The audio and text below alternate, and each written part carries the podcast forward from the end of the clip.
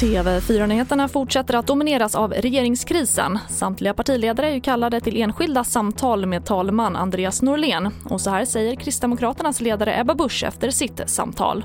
Det bästa för Sverige det vore en borgerlig regering. Eh, och Kristdemokraterna har tillsammans med Moderaterna samarbetat under en lång tid och bedrivit ett förberedelsearbete för att kunna eh, äntra regeringsställning tillsammans under en lång tid. Och mitt besked till talmannen idag har därför varit att det bästa för Sverige vore en, en borgerlig regering. Och Centerledaren Annie Lööf säger efter sitt samtal med talmannen att Centern tror på ett förnyat januariavtal mellan CS, L och MP och säger att hon har svårt att se andra lösningar som kan fungera just nu. Och på tv4.se kan du följa allt som händer kring regeringskrisen och talmansrundorna idag.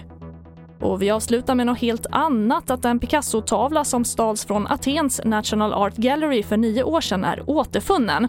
Även två andra målningar stals i samma veva och de ska också ha kommit tillbaka. Målningarna plockades bort från ramarna, därefter försvann gärningsmannen på bara några minuter. Men enligt Reuters har en grekisk man nu arresterats efter att verken hittats i en dold ravin. Och det var TV4-nyheterna. Jag heter Charlotte Hemgren.